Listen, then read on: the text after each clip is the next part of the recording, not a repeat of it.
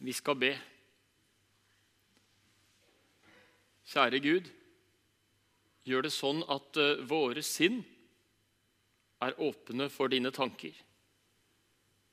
Amen. Vi skal lese preketeksten for andre søndag i advent.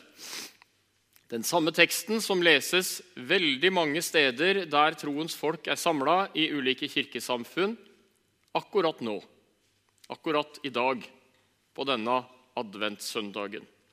Og Vi reiser oss og hører fra Lukas 21, og fra vers 35 der.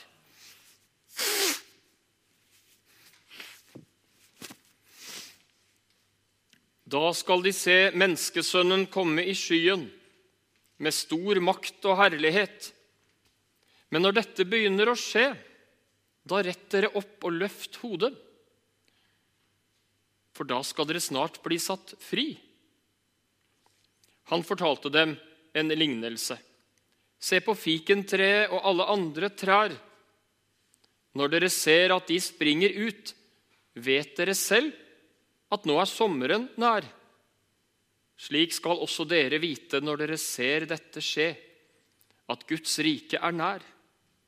Sannelig, jeg sier dere, denne slekt skal ikke forgå før alt dette skjer. Himmel og jord skal forgå, men mine ord skal aldri forgå.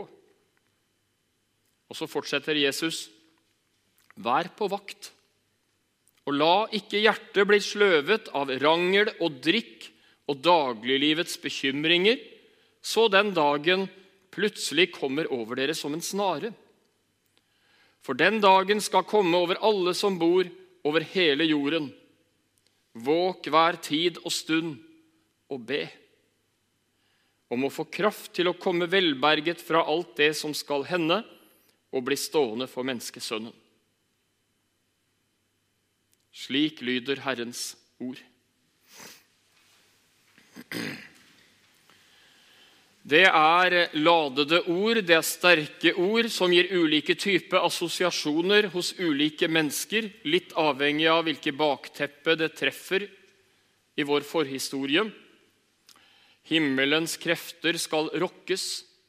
Menneskesønnen skal komme i skyen med stor makt og herlighet. Og så er det spesielt i den tida akkurat vi lever, at verdens forskere er ganske samstemt. På tvers av forskningsfelt så er de ganske samstemt om at vi, mange av oss, lever på en måte som jorda ikke tåler. At bæregrunnlaget er i ferd med å ødelegges, er i ferd med å rives i stykker av en grådighet og et forbruksmønster som jorda ikke tåler, og som ødelegger, og som særlig ødelegger for våre fattige medsøsken i andre deler av verden. Det er et faktum. Og inn i dette så kommer dagens preketekst og sier oss noe om ting vi klamrer oss til, og ting vi tenker at sånn har jeg blitt vant med å gjøre det, og sånn må det fortsette, og sånn må det være. Og så kommer Jesus på en litt ubehagelig måte og kanskje rokker ved noe av det. Og peker på at det er en grådighetskultur som ikke minst er forutsagt av Jesus som et typisk tegn ved endetida. En grådighetskultur som Jesus bruker sterke ord til å advare mot. Istedenfor å stå i endetida og skulle skrape sammen til meg og mitt for å sikre meg og mitt, min nytelse og min velstand og mitt forbruk, så peker Jesus på bønnens vei, den gode bønnens vei. Den boka som i særlig grad tar litt av sløret til sida når det gjelder dommens dag, det er bildespråket de litt gåtefulle bildespråka i Johannes' åpenbaring. Og der forteller Den hellige ånd oss og bruker et bilde på den store skjøgen, kapittel 18. Hva kjennetegner henne, som den siste boka i Bibelen skildrer? Jo, det er fråtsing, det er grådighet, det er business, det er forbruk. Det er et sånt egojag rundt meg og min velstand på bekostning av de som får medaljens bakside, enten det er noen andre steder i verden, eller det er våre etterkommere som eventuelt måtte komme.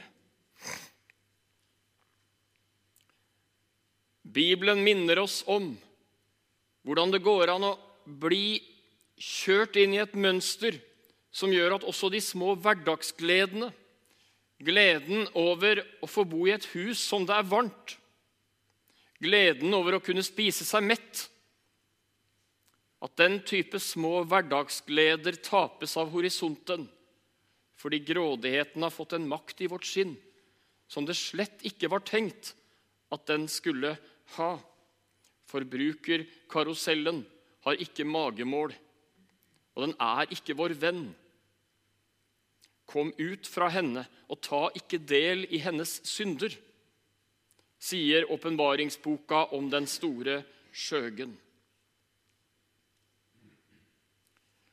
Også i en forberedelsestid til den store, gledesfylte feiringen, høytiden, hvor vi kan tenke stort om familiehygge og om det å glede hverandre med gaver osv., så, gjelder også Bibelens ord om gudsfrykt med nøysomhet.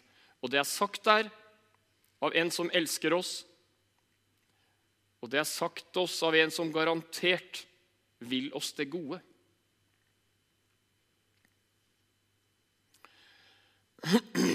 Inn i endetida så lyder det fra Jesus i dagens preketekst holde fast ved mitt ord. Holde fast ved Guds ord. En del trossøsken har kalt kirkebygget sitt og lokalmenigheten sin for Filadelfia. Og det er et ekstra bra navn. Det har bibelsk klangbunn som bare det. Filadelfia. Du har liten styrke, men du har holdt fast ved mitt ord. Sin rikdom i Guds ord, sin perle, sin trøst, sin trygghet og sin forankring i det levende Guds ord. Det er bra motto for en menighet, er det ikke? Philadelphia. Menigheten i Philadelphia.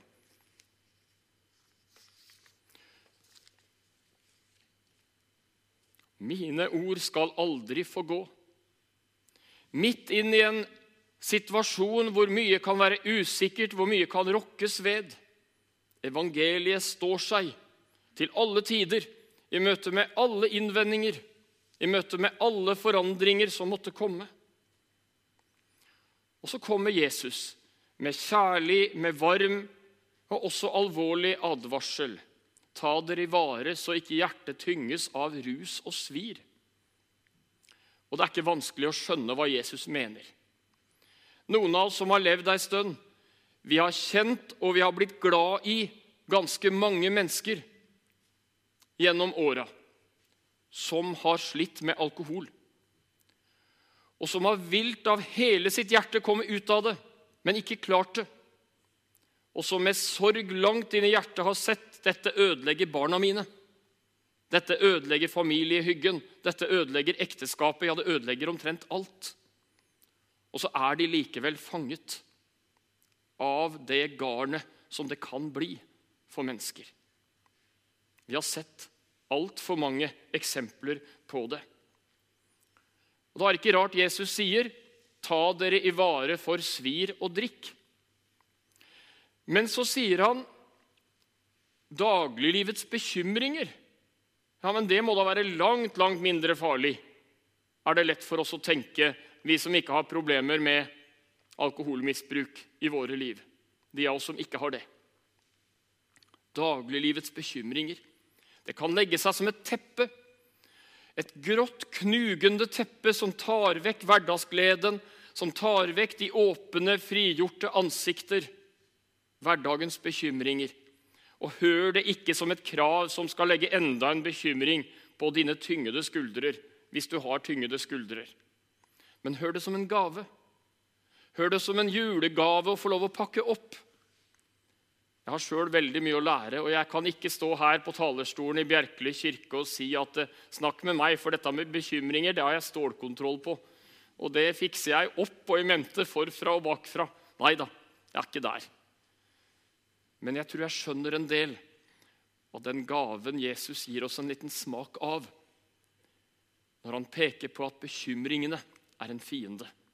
Og det å få kaste det på Gud er en gave.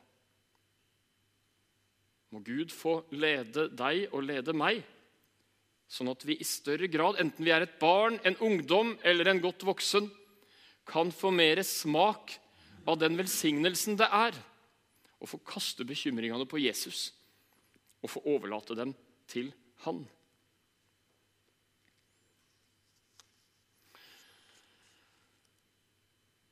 Og så har Jesus en veldig lys tone i endetidsprekenen sin, som samler oss her i dag. Når dette begynner å skje, løft hodet. Forløsningen stunder til. Se på fikentre. Det er ikke noe fikentrær, tror jeg, i Holmestrand og Undrumsdal og Våle og Ramnes og Tønsberg, men vi skjønner jo hva han mener. Det er jo lett å oversette det til andre trær. ikke sant? Epletre når epletreet skyter knopper. Da skjønner vi nå begynner det å bli vår. Nå begynner det å bli vår. Pleier du å bli skremt av vårtegna? Ligge våken om natta fordi du har oppdaga noe vårtegn? Jeg gjør ikke det. Jeg syns det er vakkert, og jeg syns det er bra. Endelig, nå, nå er våren i anmarsj. Nå ser jeg det. Nå ser jeg det på epletreet. Du vår med ljuse, dager, med lengting, liv og sogn. Du spår at Gud oss lagar ein bedre vår en gang. Og her du sitter, i Bjerkely kirke eller et annet sted, i din egen stue eller på ditt kontor eller i din bil Gud vil gjerne du skal få smak av vårtegna og få lengte etter den gode vår, den gode Gudsrikes vår, som denne bibelteksten skal gi oss en smak av en lengting etter.